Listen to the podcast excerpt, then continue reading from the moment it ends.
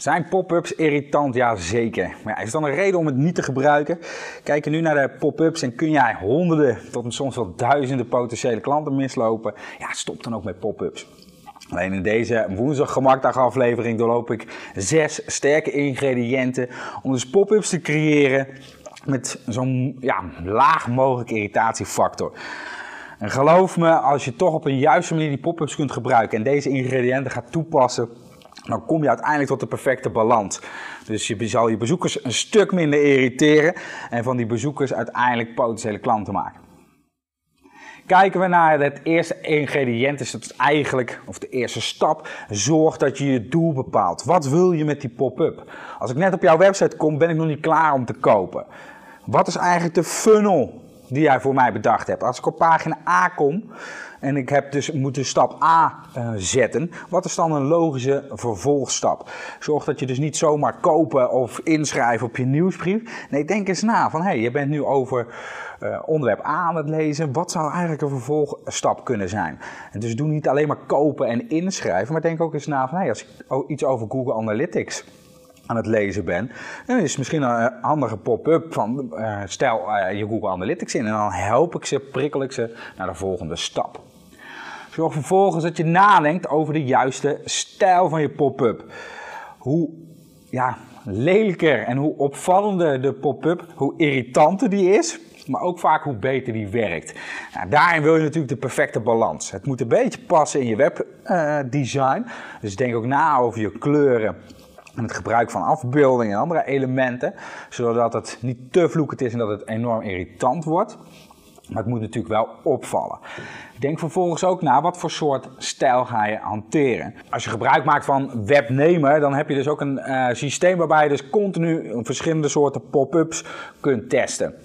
En verschillende stijlen pop-ups. Je kunt bijvoorbeeld een pop-up links laten opblinken. Bijvoorbeeld aan de bovenkant, van een soort van ribbon heet dat dan. Vol in het midden. Of misschien kies je er zelfs voor dat het hele scherm wordt overgenomen. Welke stijl je dan ook uh, past, zorg dat elke pop-up gemakkelijk te sluiten is. Nou, dat kun je bijvoorbeeld doen met een kruisje, dus dat, dat ik heel duidelijk zie dat het daar klik ergens op het scherm dat hij dan sluit, of als ik uh, doorscroll.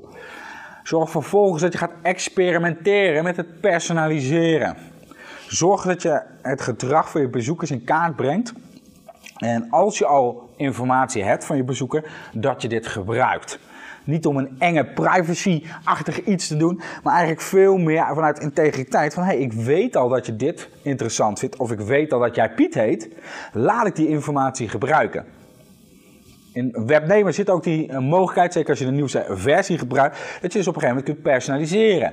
Dus dan kan je zeggen, hey, dag Piet, ga verder uh, met jouw uh, webdesign stappen, want je hebt de eerste stap al gezet, klik hier voor de volgende tips.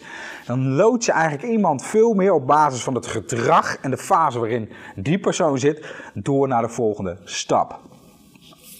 Een ander belangrijk ingrediënt, en ik zie het helaas nog wel eens voorbij komen op een website, zorg dat de pop-up mooi op de mobiel getoond wordt. Denk daar goed over na. Ik heb maar een klein schermpje op mijn mobiel, hè, als je het zo zou bekijken. Hoe zorg je er dan voor dat ik niet in één klap een, een pop-up krijg, maar dat ik een kleine notificatie krijg, maar die ook gemakkelijk te sluiten is. De aller, aller, allerbelangrijkste tip die ik je in principe kan geven is test, test, test. Blijf alles testen wat je doet. Hoe meer data jij verzamelt. Als je eerdere woensdag gemakdag afleveringen hebt bekeken, dan heb je al gezien hoe ik in één klap ruim vier keer zoveel leads kreeg met een simpele AB-test. Dus variant A tegen variant B, welke werkt beter? Zorg dus dat je alles blijft testen. Welke stijl werkt het beste? Hoe kan je het beste personaliseren? Welke kleuren? Moet je met winst of verliestaal? Uh, dus uh, verlies niet langer van je concurrenten of win van je concurrenten. Welke werkt beter? Zorg dat je alle elementen blijft testen, het doorvoert, nieuwe hypotheses stelt en weer blijft testen. Nou, vind je dit soort informatie nuttig? Heb je wat aan deze tips en technieken? Zorg dan dat je abonneert op de woensdag gemakdag en dan zie ik je volgende week weer.